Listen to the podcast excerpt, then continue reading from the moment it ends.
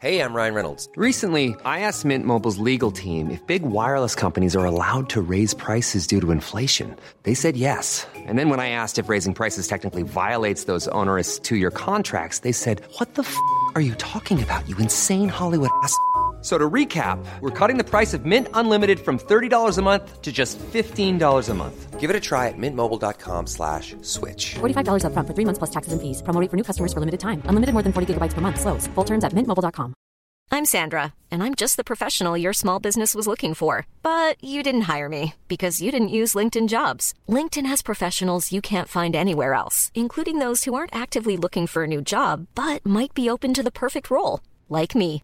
In a given month, over 70% of LinkedIn users don't visit other leading job sites. So if you're not looking on LinkedIn, you'll miss out on great candidates like Sandra. Start hiring professionals like a professional. Post your free job on linkedin.com slash spoken today. Hej och välkommen tillbaka till Storytime.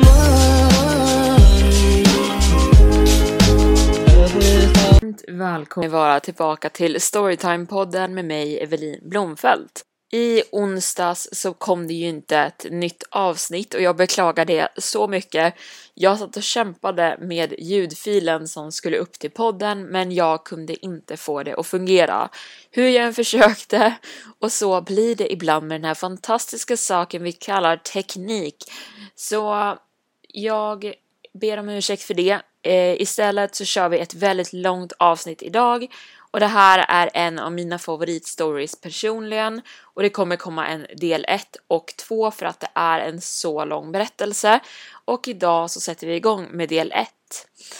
Glöm inte bort att följa podden där du lyssnar på den så att du får upp notiser när jag laddar upp. Som vanligt är det fortfarande onsdagar och söndagar som gäller. Jag vill också passa på att nämna att nu har jag startat upp en Instagram för podden där man kan nå mig angående poddrelaterade frågor och där jag lägger upp lite om varje avsnitt och eh, uppdaterar om det händer någonting med podden och ställer frågor till er. Eh, och där kan man också skriva in sin egen berättelse om man vill, om man har liksom förslag på ämnen eller creepypasta eller vad som helst. Där kan man nå mig. Det är bara att skriva till mig i DM där. Så den heter Storytime med Evelin.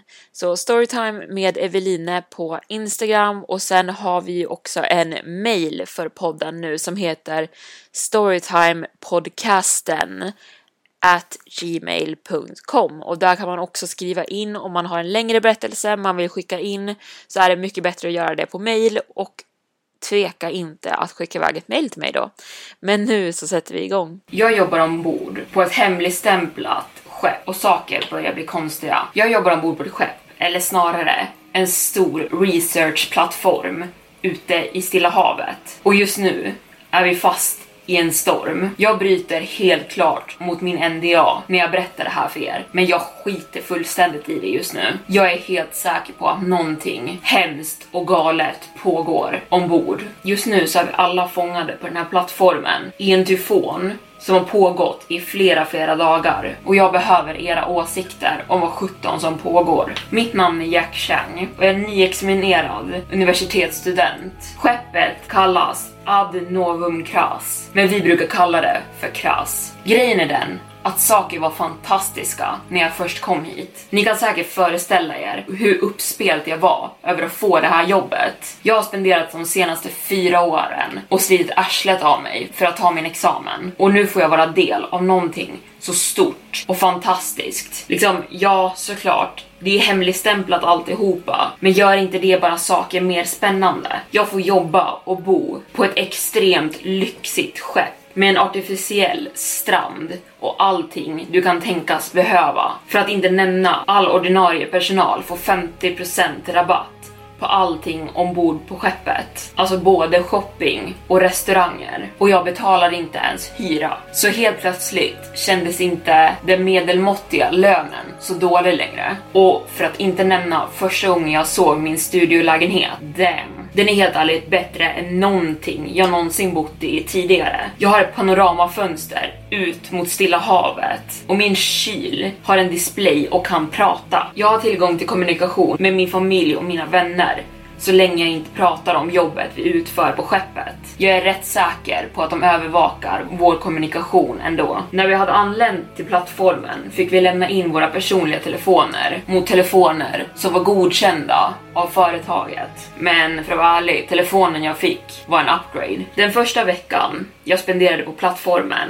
var i princip en hel orienteringsrunda för att lära mig hur jag skulle ta mig runt. Jag träffade min närmaste chef, Dr. Francesca Blanco. Hon var en sansad kvinna, lite yngre än mig, men superintelligent. Och jag måste säga, lite söt också. Vi klickade direkt och vi kom väldigt bra överens. Vi bondade över våran oändliga kärlek till havet och marinbiologi. Francesca svarar till våran högre chef, professor Erik Wennesmeyer, och han är chefen för forskningen av marinbiologi. Det var han som pitchade mig det här jobbet till att börja med. Som jag förstår det finns det tre andra avdelningar inom forskningen. Alla har sin egen hierarki och uppsättning av chefer, men jag kan prata mer om det senare. Min titel är tredje forskningschef. Två av våra andra kollegor är Tom, som jobbar en våning över oss, och en kvinna som heter Kirsty, som jobbar några våningar under. Under våran rang så jobbar forskningstekniker. Jag fick veta redan första veckan att jag skulle jobba inriktat mot marinbiologi och deras migrationsmönster, vilket var perfekt för mig. Det var exakt det här jag hade pluggat till. Så,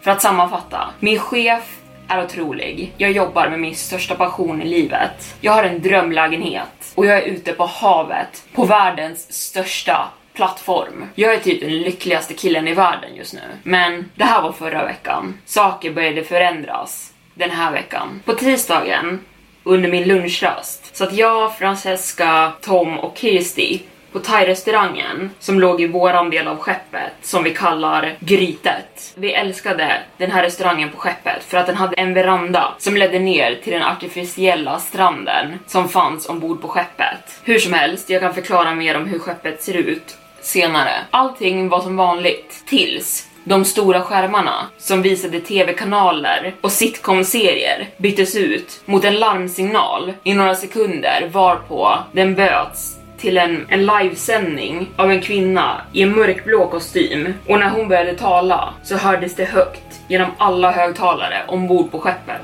Jag talar till all personal. Det här är kapten Hanna Mason, skeppsmästare av Adnovum Kras. Kan jag få allas uppmärksamhet? Tack. Hon nickade mot någon som inte syndes i bild. Sen fortsatte hon. Vid 5.38 den här morgonen fick vi in rapporter av en tropisk cyklon som håller på att formas nordväst om vårt skepp. Vårt team har döpt den till tyfon Kakaiba och enligt våra uppmätningar så kommer den nå oss vid fredag den här veckan. Skärmen byttes ut mot en satellitbild av en tyfon ute på havet och vidare information under den. Jag bytte en oroad blick med Francesca. För att vara ärlig, vid det här laget var jag inte särskilt orolig. Jag var helt säker på att The Cross kunde hantera en tyfon. Och vad jag visste så hade alla fönster ombord på plattformen installerats med specialskydd som kunde aktiveras vid sådana här tillfällen. Enligt våra beräkningar så kommer Kakaiba vara fem mil hög vid stadiet den når oss. Hon såg nu lite mer bekymrad ut. När hon sa detta så spred sig ett mumlande runt omkring oss bland alla våra kollegor och människorna som hade legat nere på stranden reste sig upp och började bli oroliga. Hur som helst finns det ingen anledning för panik. The Cross är fullt redo att möta en sån här storm. Vi kommer aktivera våra stormsköldar om det så blir nödvändigt senare den här veckan och skeppets navigeringsteam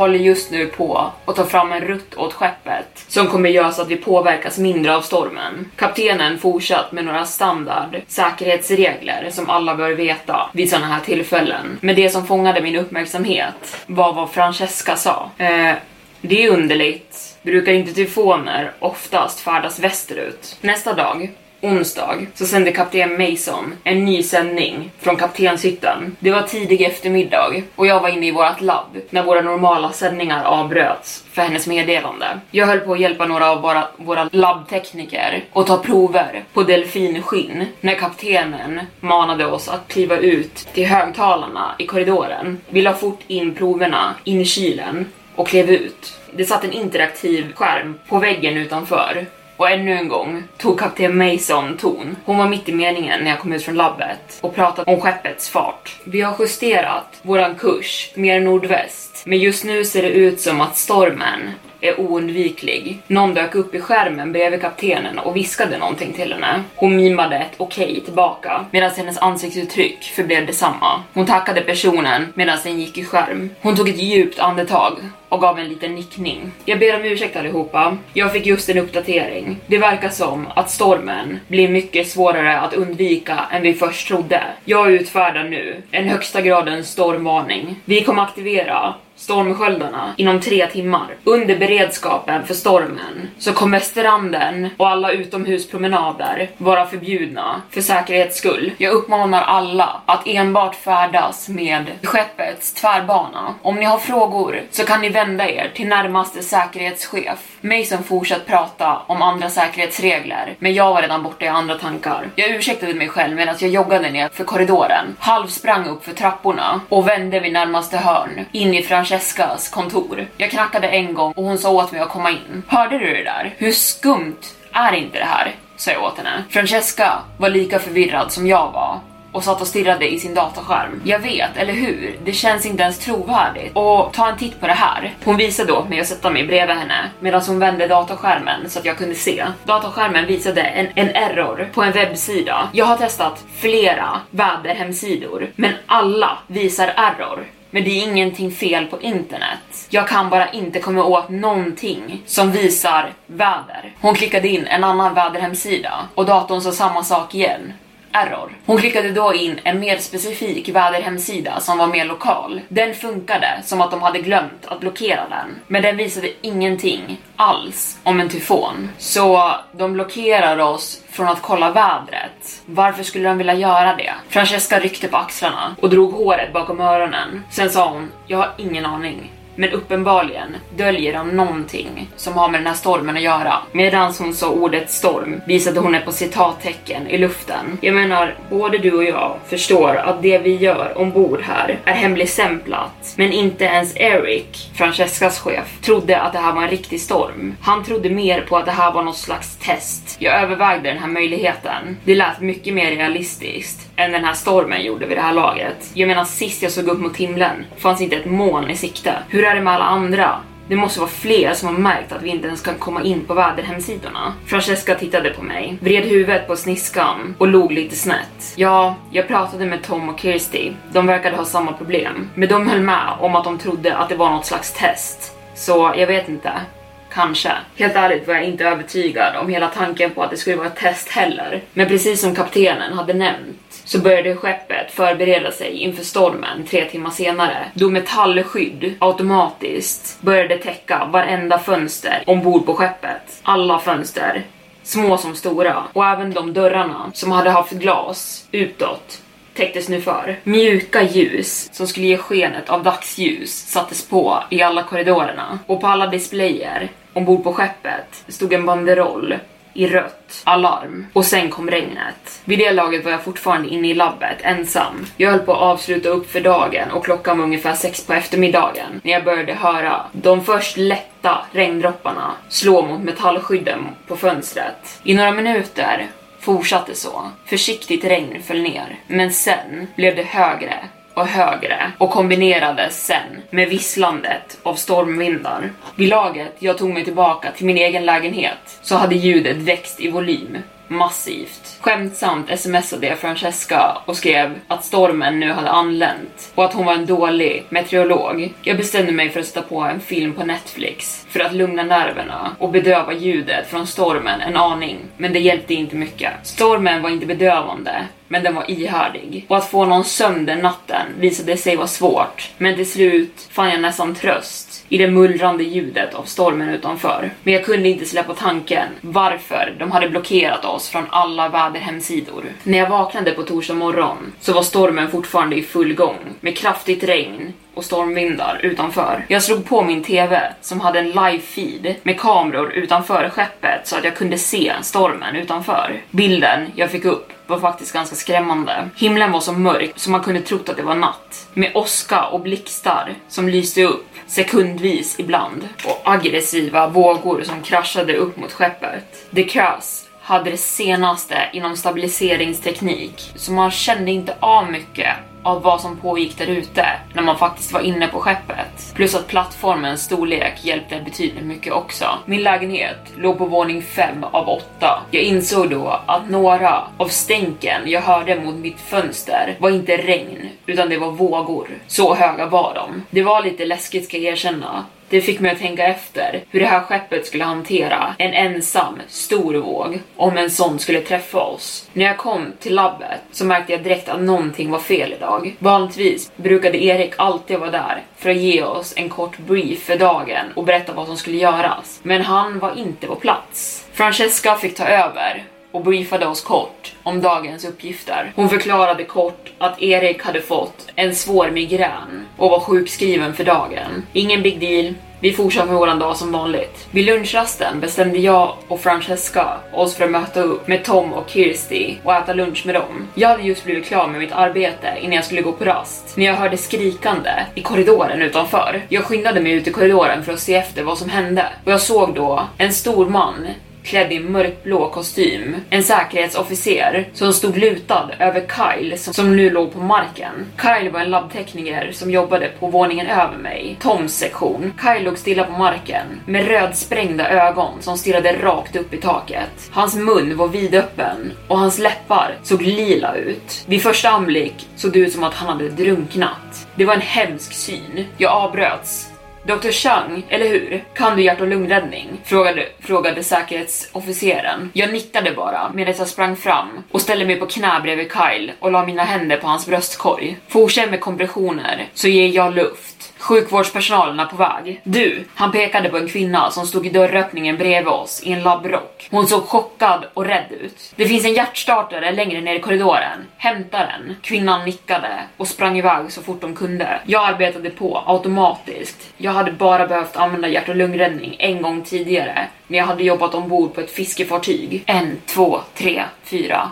Fortsatte jag medan jag tänkte att jag aldrig hade behövt använda de här vid en faktisk drunkningsolycka. En, två, tre, fyra. Men vad hade faktiskt hänt med Kyle? Vad hände honom? Frågade jag mannen bredvid mig. Kanske en hjärtattack, svarade mannen mellan andetagen han gav Kyle. Jag såg honom bara falla ihop som en trasdocka. Han slog huvudet i golvet väldigt hårt när han föll. Hur är hans puls? frågade jag. Han har ingen, svarade officeren. En, två, tre, fyra. Vi hörde snabba fotsteg medan kvinnan i labbrock kom tillbaka. I sina händer hade hon hjärtstartaren. Vid det här laget hade fler människor samlats kring platsen och stod och mumlade med varandra. Jag slutade med pulseringarna mot Kyles hjärta och drog upp hans skjorta. Jag drog in ett chockat andetag mellan mina tänder. Kyles bröstkorg var full av mörka, mörka blåmärken. Främst kring hans hjärta. Bara djupt mörkblåa fläckar klädde hela hans ljusa hy. Det såg ut som att någon hade tagit en hammare och slått honom över hela bröstkorgen. Jag tänkte för mig själv, herregud, vad fan är det som har hänt den här människan? Det här är inte en hjärtinfarkt jag någonsin har hört talas om.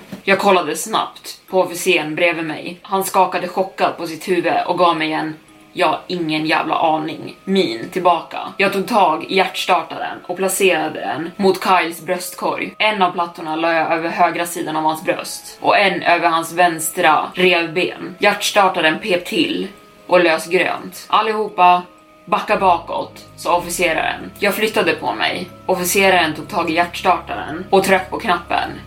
Kyle rök till, men ingenting mer än så hände. Officeraren laddade den igen gav mig en blick och jag sprang fram och fortsatt att försöka starta hans hjärta manuellt. En, två, tre, fyra. En, två, tre, fyra. Gör plats snälla. Två sjukvårdare hade nu kommit till platsen. De hade en bår med sig och placerade snabbt Kyle på den. Officeraren och jag reste oss snabbt och lät dem göra sitt jobb. De gjorde allt de kunde de började utföra hjärt och lungräddning medan de ställde oss frågor. För att vara ärlig, jag minns inte exakt vad de frågade eller vad jag svarade. Jag stod i chock. Jag minns bara att efter några minuter tittade sjukvårdarna på varandra och skakade sina huvuden. Officeraren kom fram till mig, gav mig en klapp på ryggen och sa vi gjorde vårt bästa för honom. Jag stirrade på Kyles blodsprängda ögon och vidöppna lila läppar medan de dödförklarade honom. Han var död nu.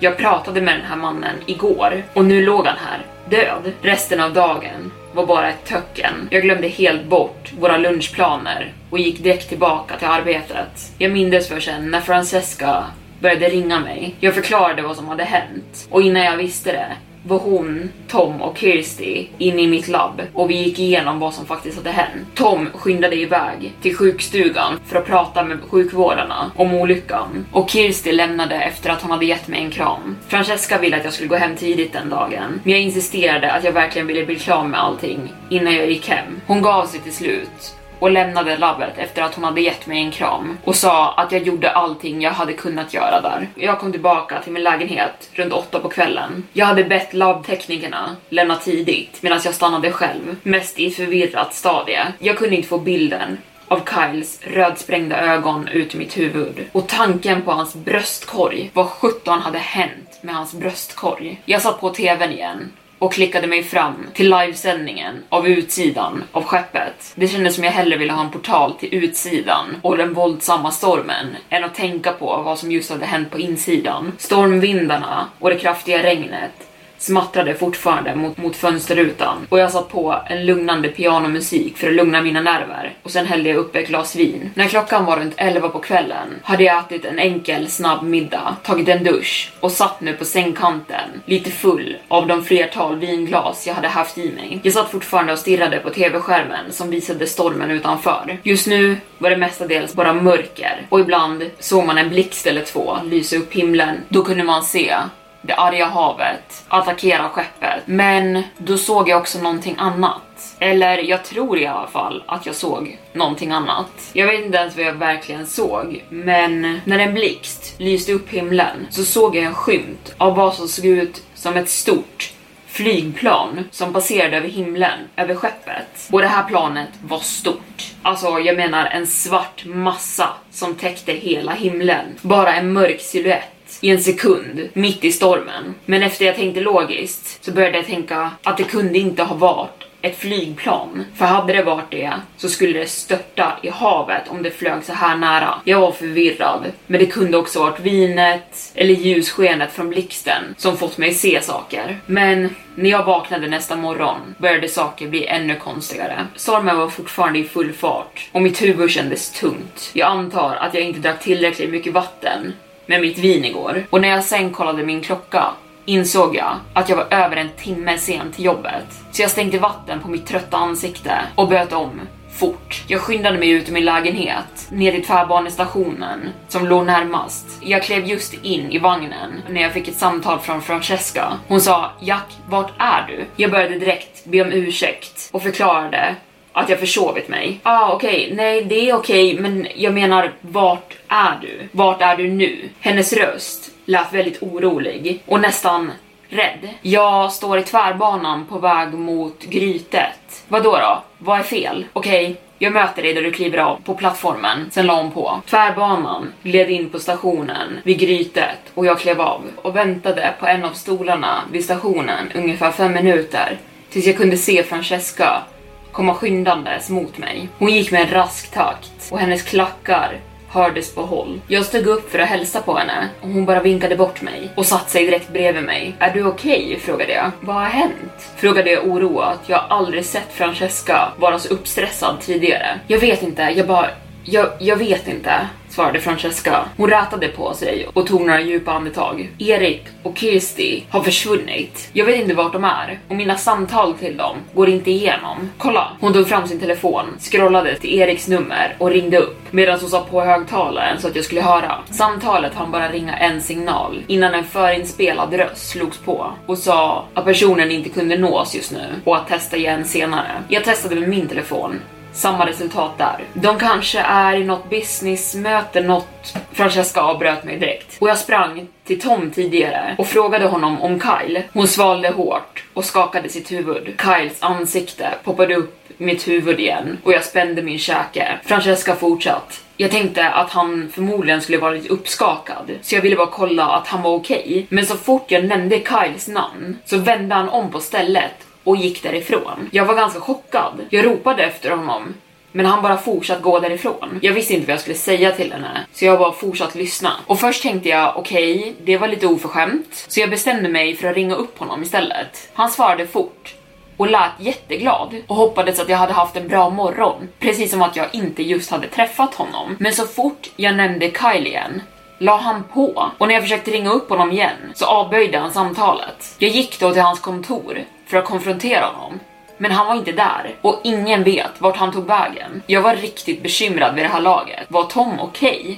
Var det här bara hans sätt att hantera sorg och förlust. Francesca fortsatt. Så till slut tänkte jag, okej, okay, men jag går till sjukstugan och kollar om de kan ge mig någon information. Jag tänkte att Erik och Kirsti kanske skulle vara där och att Tom kanske bara hade ett mental breakdown eller någonting. Så jag gick dit. Men personalen där sa åt mig att ingen olycka hade skett igår. Så jag hade berättat om vad som hade hänt Kyle och de hade svarat med att det inte hade skett någon inläggning eller någon utryckning av vårdpersonalen igår. Och absolut inte ett dödsfall. Och när jag visade upp min bricka för behörighet så vägrade de släppa in mig i bårhuset. Jag satt på helspänn vid det här laget. Men vänta, det, det, det är inte möjligt. Men säkerhetsofficeren då? Vad var hans namn nu igen? Tänkte jag för mig själv. Jag försökte visualisera hans namnbricka jag hade sett igår. Richard. Ja, så hette han. Richard Flint. Hittade du honom? Francesca skakade på sitt huvud. Sen drog hon fram sin laptop ur sin väska. Hon gick in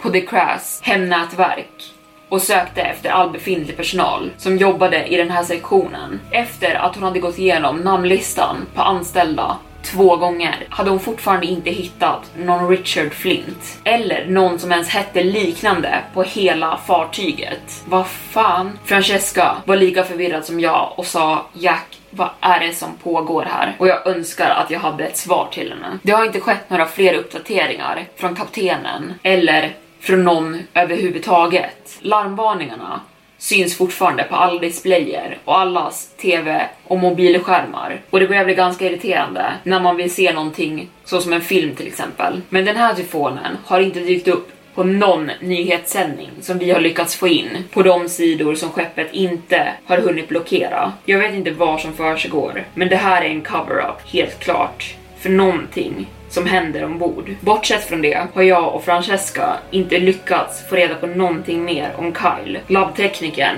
som jag inte kunde rädda. Och inte heller har vi hittat våra kollegor och vänner som har försvunnit. Efter att vi hade träffats på plattformen och gått igenom allting var vi nu överens och om någonting var väldigt fel ombord. Jag började tänka för mig själv hur fel jag hade trott första veckan när jag tyckte att det här stället var ett paradis. Hur som helst, efter att jag och Francesca träffades på plattformen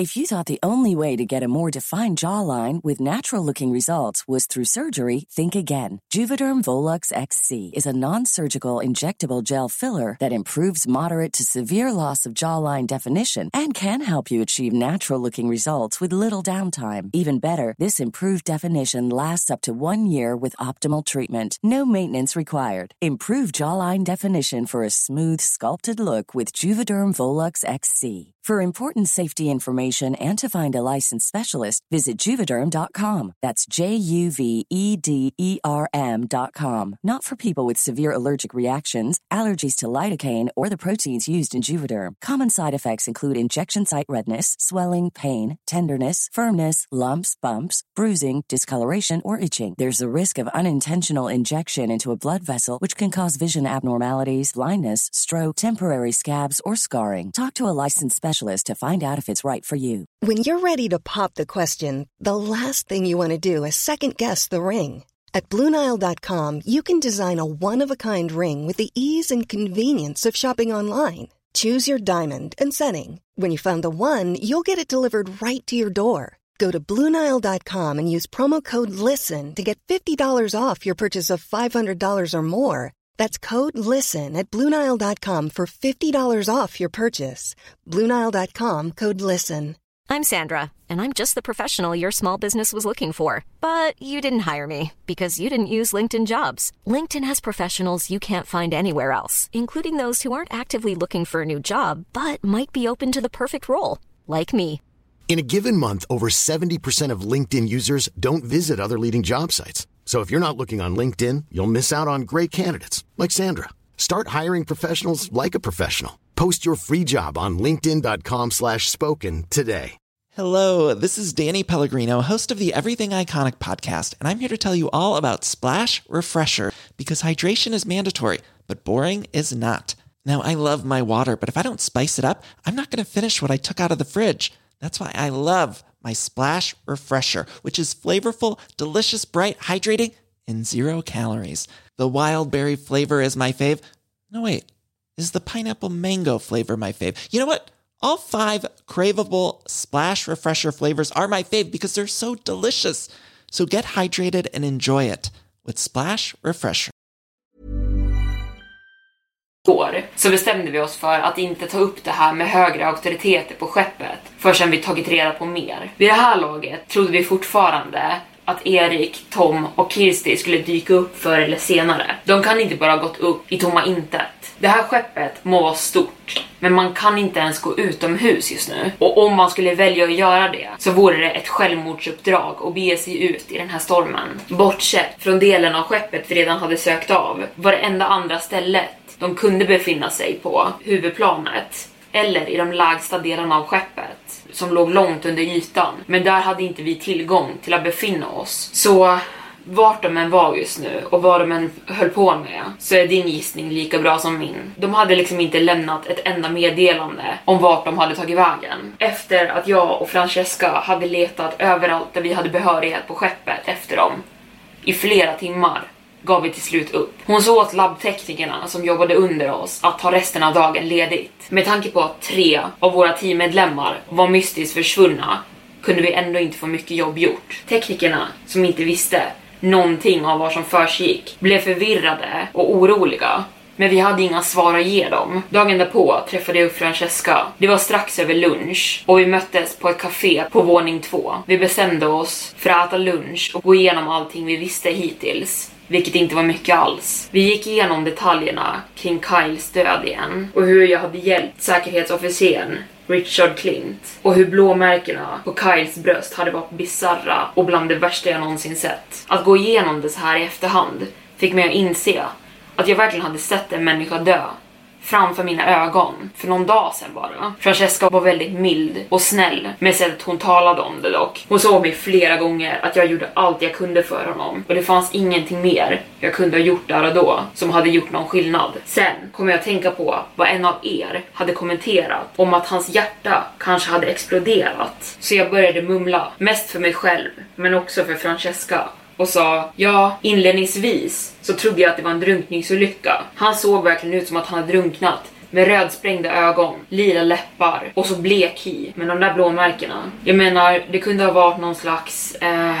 jag rannsakade min hjärna och försökte komma på rationella ursäkter till vad det kunde ha varit. Han kanske hade råkat befinna sig i något tryck som hade lett till hjärtproblem. Francesca tittade på mig och skakade på sitt huvud. Men du sa att säkerhetsvakten Richard hade sett honom falla ihop på stället, eller hur? Hade det varit någonting som hjärtsvikt hade det funnits symptom i förväg. Tom borde ha märkt att någonting var fel den morgonen. Hon reste sin kopp av te och tog en sipp. Och om hans hjärta nu brast så kommer vi aldrig få veta det utan att få se dödsförklaringen. Om det ens nu gjordes någon med tanke på hur sjukvårdarna hade bemött henne när hon frågat om dödsolyckan. Vi båda satt nu bara tysta och funderade till ljudet av vinden som ylde utanför. Det här kaféet låg på den perfekta solsidan av skeppet och vanligtvis strömmade massa dagsljus in här. Men nu, under stormen, lyses det bara upp av vitt neonljus som skulle likna ett artificiellt dagsljus. Bortsett från oss två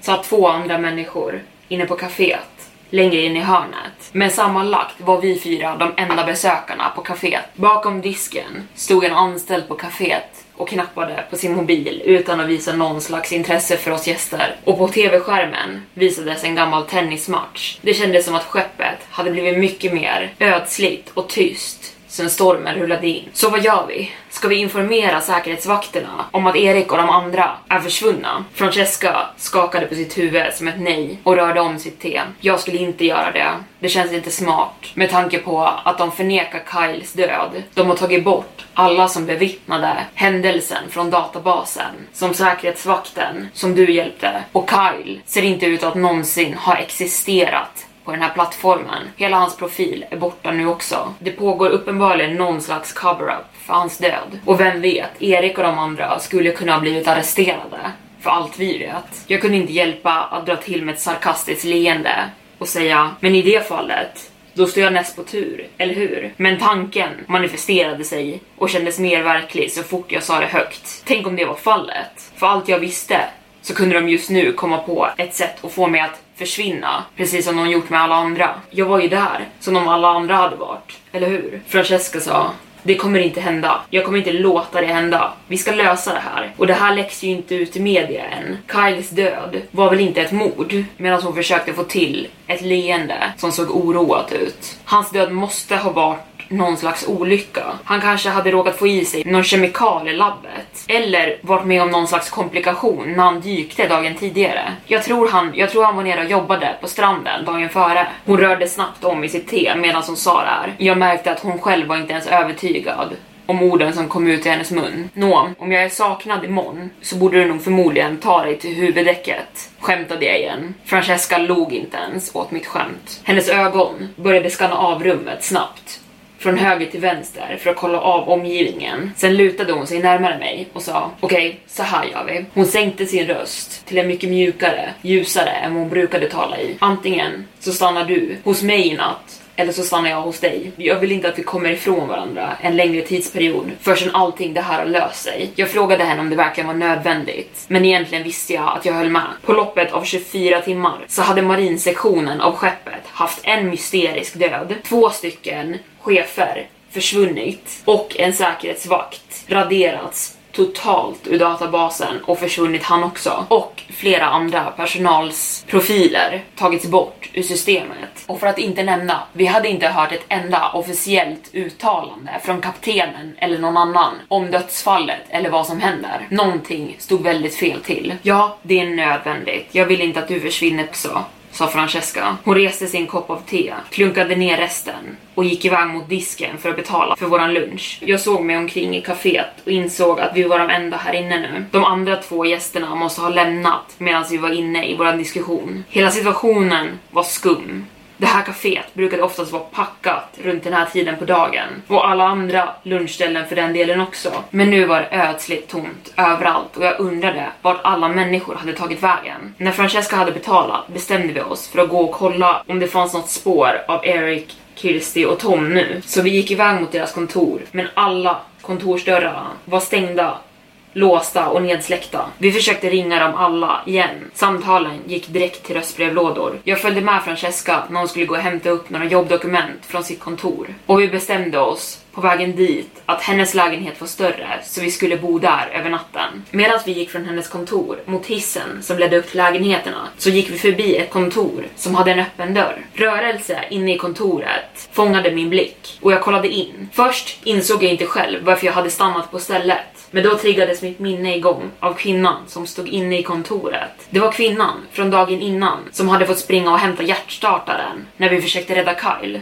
Och vänta lite, sa jag åt Francesca medan jag stannade. Jag vände mig om mot kvinnan i labbrock och sa hej, ursäkta. Eh, det var du som hämtade hjärtstartaren igår va? Eller hur? Kvinnan kollade upp från sin iPad med förvånat uttryck på sitt ansikte och sen log hon när hon kände igen mig. Ja, eh, Dr. Chang, eller hur? Sa hon och nickade. Ja, ja, det var jag. Herregud, jag är så ledsen för vad som hände häromdagen, sa hon med en sorgsen blick som gled över hennes ansikte. Jag tog ett steg längre in i rummet och sa ja, jag är ledsen också. Hur är det med dig? Kvinnan nickade, la ner sin iPad på bordet framför sig och gick igenom rummet för att möta upp oss. Eh, ja, ja, okej okay, antar jag. Tack som frågar. Den där stackars mannen. Jag hade ärligt talat ingen aning om vad som för sig gick. Det gick så fort allting. Jag bara stod där och tänkte efter vad jag skulle göra tills den där säkerhetsofficeren skrek åt mig. Francesca klev också in i rummet nu och hade hört vad vi pratade om. Jag vände mig mot Francesca och förklarade att, att det här var kvinnan som hade sprungit hem hämtat hjärtstartaren häromdagen. Jag tittade också på henne och sa, hon såg också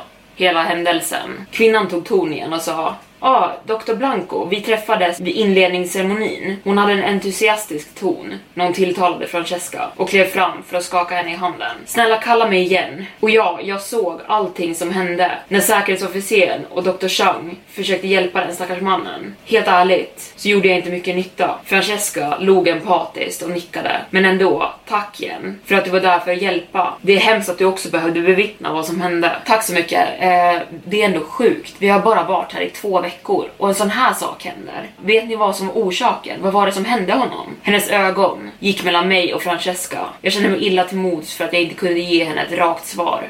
Jag hade inget att ge. Nej, tyvärr. Ja, vi vet inte. Vi tror att det kan ha varit en hjärtinfarkt. På tal om det, har du sett till den där säkerhetsofficeren som hjälpte mig häromdagen? Frågade jag kvinnan. Hon skakade sitt huvud och ryckte lite lätt på axlarna. Nej, faktiskt inte. Men jag tänkte på det för en stund sen, För jag letade efter någon tidigare idag och jag, hon slutade prata. Och först märkte jag inte att någonting var fel. Jag bara stod där och väntade på att hon skulle fortsätta. Det var Francesca som reagerade först. Hon klev framåt mot kvinnan, nästan som att hon skulle krama henne. Jen, kvinnan i labbrock, började skaka. Jag kollade på henne i total förvirring först. Jag stod där i chock, medan kvinnans Käke bara föll, nästan som att den gick ur led. Hennes ögon rullade tillbaka så pass mycket som man inte ens kunde se irisen längre. Men sen kom ljudet, det gutturala ljudet. Som att hon försökte dra in luft, men misslyckades. Sen föll hon rakt ner på sina knän. Och Francesca han precis tagit tag i hennes ledlösa kropp innan hon slog i golvet. Jen föll ner på sin rygg och började krampa. Vi bara stod där i chock. Francesca stod stilla av chock hennes ögon vida. Jag var tvungen att köra naglarna in i mitt eget ben för att komma ur chocken av vad som just hände. Herregud, inte igen. Ring efter sjukvårdarna skrek jag medan jag slängde mig ner bredvid Jen på golvet. Hon skakade våldsamt där hon låg, som att hon hade ett epileptiskt anfall. Jag försökte stabilisera henne och la mina händer på hennes axlar för att trycka ner henne mot marken. Men det var då jag såg det jag fruktade. Blodkärlen i hennes ögon började sprängas, vilket fick vitan i hennes ögon att först bli rosa och sen en mörk, blodig röd. Hennes läppar mörknade fort. De fick en mörk lila ton och det såg ut som att all färg ur hennes hy tömdes ut. Jag agerade på instinkt och ignorerade att Francesca stod som fastfryst av chocken. Jag drog ner Jens tanktop och såg hur en mörk fläck började formas över hennes bröstkorg, precis över där hennes hjärta satt. Blåmärket växte sig fort i storlek. Det såg nästan ut som att hennes hjärta blödde ut i hennes bröstkorg. Francesca rotade omkring i hennes väska efter hennes telefon, men stannade upp för att stirra i skräck när hon fick syn på bröstkorgen. Och, och herregud, utbrast hon. Och sen dök fler blåmärken upp, en för en. Först små, och sen växte de sig stora. På mindre än en minut var hela hennes bröstkorg täckt av blåmärken. Precis så som Kyles. Men blåmärkena dök upp som i ett mönster. Det såg nästan ut som att de formade en cirkel. Jag hade inte märkt det på Kyle, för att jag hade varit för chockad och upptagen i situationen. Men blåmärkena formade, men blåmärkena formade ett mönster. Åh gud, Åh gud, är hon okej? Okay? Lever hon? Mina tankar avbröts av Francescas röst och jag placerade nu istället min mun mot kvinnans mun och började ge mun mot mun metoden. Kramperna hade slutat i precis samma stund som blåmärkena hade blivit klara med att formas. Men det hade också hennes puls och hennes andetag. Jag kände ingenting. Inte ett enda livstecken. Hennes ögon hade först rullat bak, in i hennes huvud, men nu hade de kommit ner, blodsprängda och stirrade bara rakt upp, i taket, i tomheten. Jag visste att hon var borta. Francesca stod och skakade på stället där hon stod. Hon stod och pillade nervöst på sitt halsband som började skära in i hennes hals för att hon drog i det så hårt. Jag kunde avgöra från hennes bleka hy och hennes ytliga andetag att hon var på väg in i ett chocktillstånd. Min hjärna arbetade av sig själv. Så många tankar hade flöt igenom mig så jag visste inte ens vad jag själv tänkte vid det här laget. Det här var inte naturligt. Inte en chans. Och jag vet att det här var exakt samma sak som hade hänt Kyle. Var det en sjukdom? Var det någonting kemikaliskt ombord på skeppet? Eller hade vi alla fått någon slags killswitch när vi kom ombord på skeppet? Hade Kirsty, Tom och Erik någonting med det här att göra? Håller vi på att bli testade? Händer det här på grund av stormen? Borde vi ringa säkerhetsvakter? Borde vi ringa bryggan? Vad ska vi göra?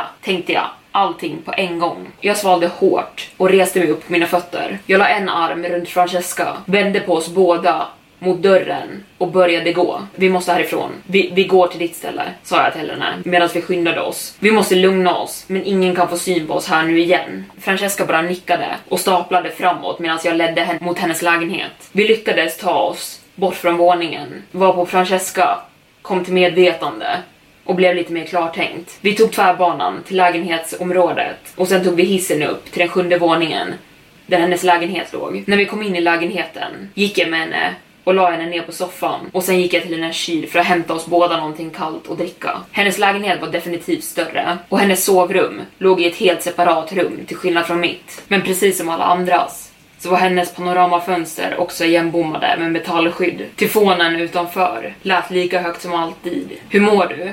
Francesca hade nu satt sig upp på soffan och sippade på sin läsk. Jag är okej, okay, jag är okej. Okay. Som att hon försökte intala både sig själv och mig. Hon drack upp sin läsk, sen lutade hon sitt huvud i sin handflata. Och herregud Jack, såg du hennes ansikte? Kristus, vi borde inte ha lämnat henne sådär. Vi borde, vi borde ringa någon. Jag kunde inte hjälpa att vanka fram och tillbaka av och an framför tvn medan jag tänkte. Jag hade fortfarande ett adrenalinpåslag och jag försökte få ett grepp om mina egna tankar. Nej, nej, den här skiten det är inte naturligt. De där blåmärkena, eller vad det nu var för någonting, de var inte naturliga. Det där var inte en hjärtinfarkt. Men vi bara lämnade henne liggandes där, Fortsatt Francesca. Jag vet, men om du har rätt, om du har rätt så kan det här vara smittsamt. Eller någonting annat helt galet skit. Jag bara spydde ur mig random ord för att ventilera. Men jag visste en sak säkert. Nej, vi avvaktar. Vi stannar här inne i natt. Vi håller oss i trygghet. Och imorgon går vi direkt upp till kontrollbryggan och vi talar med kapten Mason och inte med någon annan. Vi båda höll med om att tala direkt med kaptenen var förmodligen det bästa vi kunde göra i det här läget. Efter att vi hade lugnat ner oss ett tag så fortsatte vi individuellt att arbeta med egna projekt. Sen slängde vi ihop en snabb middag och åt tillsammans i tystnad. Francesca ursäktade sig själv efter att vi hade ätit, plockade fram några extra kuddar och la dem på soffan åt mig. Sen turades vi om att diska undan. Efter att hon hade gått och lagt sig låg jag vaken och stirrade upp i taket sömnlös. Jag lyssnade på det statiska ljudet av regnet utanför och när jag äntligen somnade så var mina drömmar rastlösa och hemska. I min dröm stod jag utomhus på däcket, mitt i regnet och i tyfonen. Jag kände regnet attackera mitt ansikte som tusen nålar. Blixtar lyste upp himlen och helt plötsligt såg jag Francesca så en bit ifrån mig. Jag såg också Toms ansikte, kapten Masons ansikte, Jens och Kyles ansikte. Alltså jag såg dem drunkna i mörker när regnmolnen regnade kraftigare och kraftigare ner över dem. Och deras skrik, herregud, deras skrik. Det väckte mig och jag ryckte till i soffan där jag låg. Det var kolsvart i lägenheten, men stormen utanför var högre än någonsin. Jag tänkte för mig själv att jag inte haft en mardröm som den där och väldigt länge. Jag kollade på min mobil och klockan var halv fem på morgonen. Jag smög fram till köket i lägenheten och hällde upp ett glas kallt vatten. Jag tänkte att jag skulle sätta på livestreamen på stormen utanför för att lugna ner mig och bara ha väldigt tyst ljud. Så jag lutade mig framåt för att ta upp fjärrkontrollen. Men exakt då fylldes mina öron av en hemsk explosion av ljud. Det lät som metall som slets sönder. Det lät som att det kom från utsidan av skeppet. Vad i helvete var det där? Jesus var i... Helt plötsligt blev hela lägenheten röd och sirenerna slogs på i full volym. Sen guppade golvet till så kraftigt så jag slängdes av soffan. Mitt vattenglas flög ur min hand av smällen. Nästan som i slow motion. Fan, det var det sista jag mindes innan jag flög med huvudet först in i Francescas TV av en otrolig smäll. Det första jag slogs av var larmsignalerna som tjöt ljudligt när jag vaknade till liv igen. Sju korta larmsignaler och en längre. Sen följde en förinspelad röst som sa alarm, alarm. En nödsituation har inträffat ombord. Var vänlig att sluta med all aktivitet och ta er till närmaste säkerhetszon. Använd inte hissar eller tvärbana.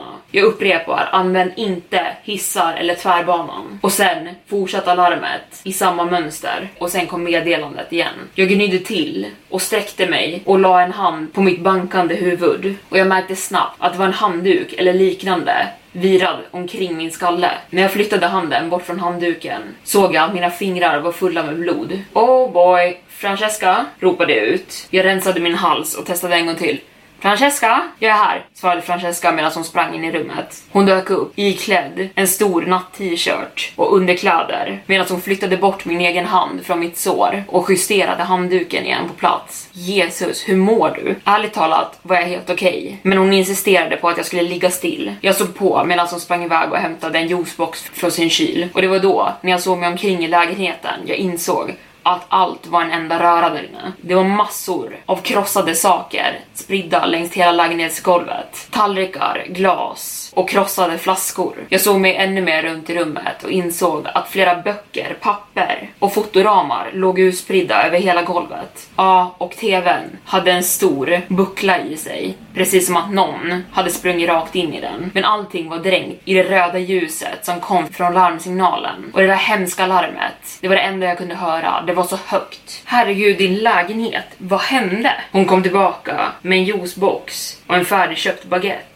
Hon satte sig på knä bredvid mig och höll upp juiceboxen menandes som att jag skulle ta den. Drick det här, du måste hålla upp din vätskebalans. Smaken av apelsin hjälpte med att ta bort den metalliska smaken i min mun. Och jag tackade henne för det. Inga problem. Känner du av yrsel, illamående? Har du något problem med att svälja? Frågade hon. Jag skakade sakta på mitt huvud. Okej, okay, testa sätt dig upp. Ta din tid på dig. Medan hon placerade sin hand under mitt huvud för extra stöd. Och jag gjorde som hon sa. Jag la mina fötter under mig och testade att resa mig upp. Men direkt när jag gjorde det så började rummet snurra och det kändes som att jag skulle svimma igen. Men jag hann samla mig precis i tid. Åh herregud. Hur mår du? frågade jag henne. Vad hände? Hon lutade sig bakåt där hon satt och sa jag har ingen aning. Jag låg och sov och stöten väckte mig, sa hon medan hon gnuggade sig i ögonen. Och nästa sak som hände var att hela stället hoppade till och allting föll ur hyllorna och jag bokstavligen flög ur sängen. Tur att jag inte slog huvudet i en hylla eller i en TV, sa hon och log mot mig. Jag log tillbaka och bad om ursäkt och hon bara skrattade. Oroa dig inte för det. När jag väl kom ut härifrån så var allting kaos. Jag trodde att vi höll på att sjunka eller någonting och jag såg dig ligga medvetslös på golvet där. Och jag var ganska imponerad över hur långt du hade färdats. Jag skrattade till lite. Skrattet gjorde pulserandet i mitt huvud värre. Du hade fått ett jack i huvudet så jag plåstrade om det så gott det gick. Sen fick jag upp dig på soffan och nu har du legat där i tre timmar. Tre timmar! Jag blinkade några gånger och försökte, och försökte låta det sjunka in. Jag hade aldrig svimmat förr i mitt liv, men det här var inte alls som att somna då man känner att man har sovit i några timmar. Nu kändes det som att tiden bara hade passerat utan att jag hade varit här. Vilken jävla semester det här visade sig vara, eller hur? Sa hon och skrattade. Jag kunde inte hålla med henne mer. Tror du att vi sjunker?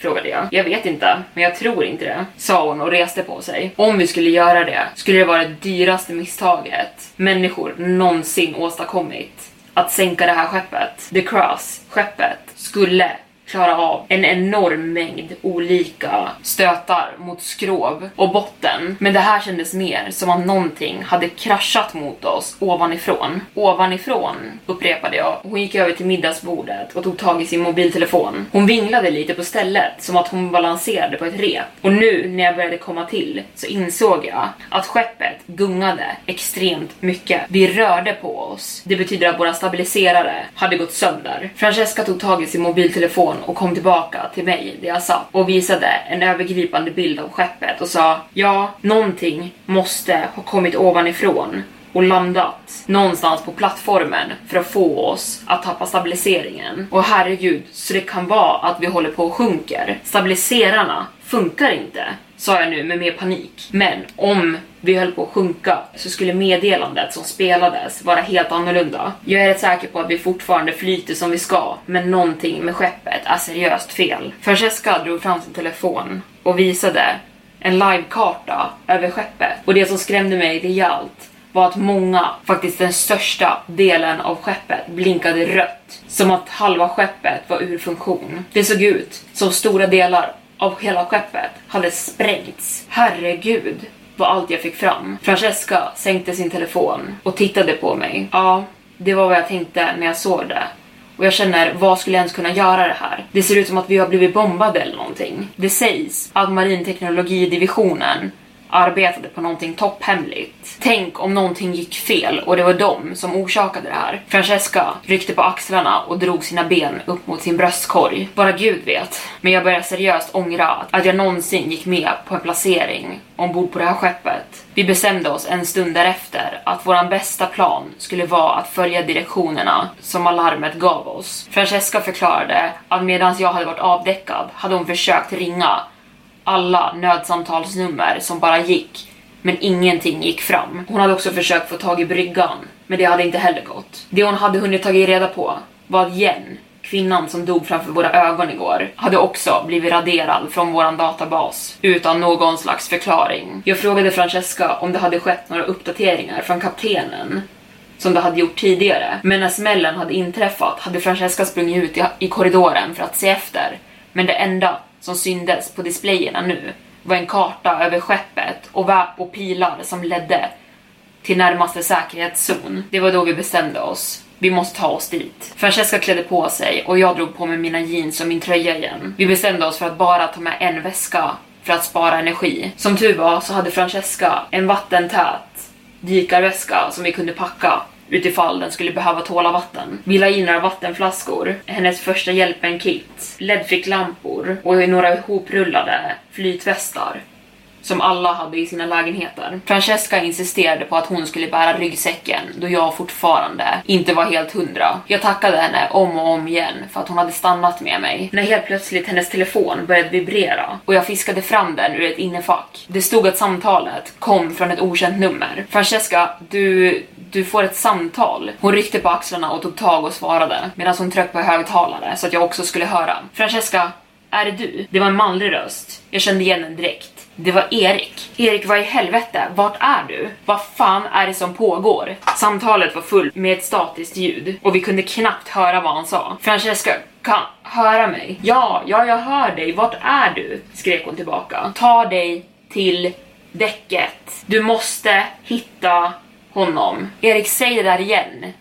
Vi kan inte höra dig tydligt. Ta dig däcket. Huvuddäcket. Du måste utomhus. Samtalet bröts. Och där stänger jag igen Storytime-boken för denna gång. Del två kommer på onsdag. Håll ut tills dess. Under tiden, följ jättegärna poddens Instagram så att ni inte missar någonting. Följ för all del podden också så att ni får upp nya uppdateringar när jag lägger ut nya avsnitt. Men jag vill tacka för att ni har lyssnat denna gång och vi hörs på onsdag. Hej då! Hi, this is Paige from Giggly Squad, and I want to talk to you about Splash Refresher and my water intake. Okay, so you guys obviously know that I'm a hydrated girly, but sometimes when you drink that much water, it starts to just taste bland, and you're just like, I need something to spice it up. That's why I love Splash Refresher. It has zero sugar, zero calories, and it's a splash of sweetness. And they come in five different flavors. They're so good wild berry, acai grape, pineapple mango, lemon, and mandarin orange. My favorite is the wild berry because I just I just love a berry. So if you're like me and you're drinking water all day, then try Splash Refresher. It's going to absolutely change your water game and it's good for you. ACAST powers the world's best podcasts. Here's a show that we recommend. The Real Housewives is a guilty pleasure for most, but if you're looking to not feel guilty about that pleasure, tune in to Everything Iconic with me, Danny Pellegrino, where I break down all the messy moments and behind the scenes antics of Bravo's popular franchise. And on Everything Iconic, I also interview celebrity guests like Kelly Ripa, Kiki Palmer, Drew Barrymore, Cameron Diaz, and more about their guilty pleasures, their past work, and so much more. So if you're pop culture obsessed and find yourself watching way too much reality TV like me, tune in to Everything Iconic with Danny Pellegrino wherever you listen to podcasts. ACAST helps creators launch, grow, and monetize their podcasts everywhere. ACAST.com.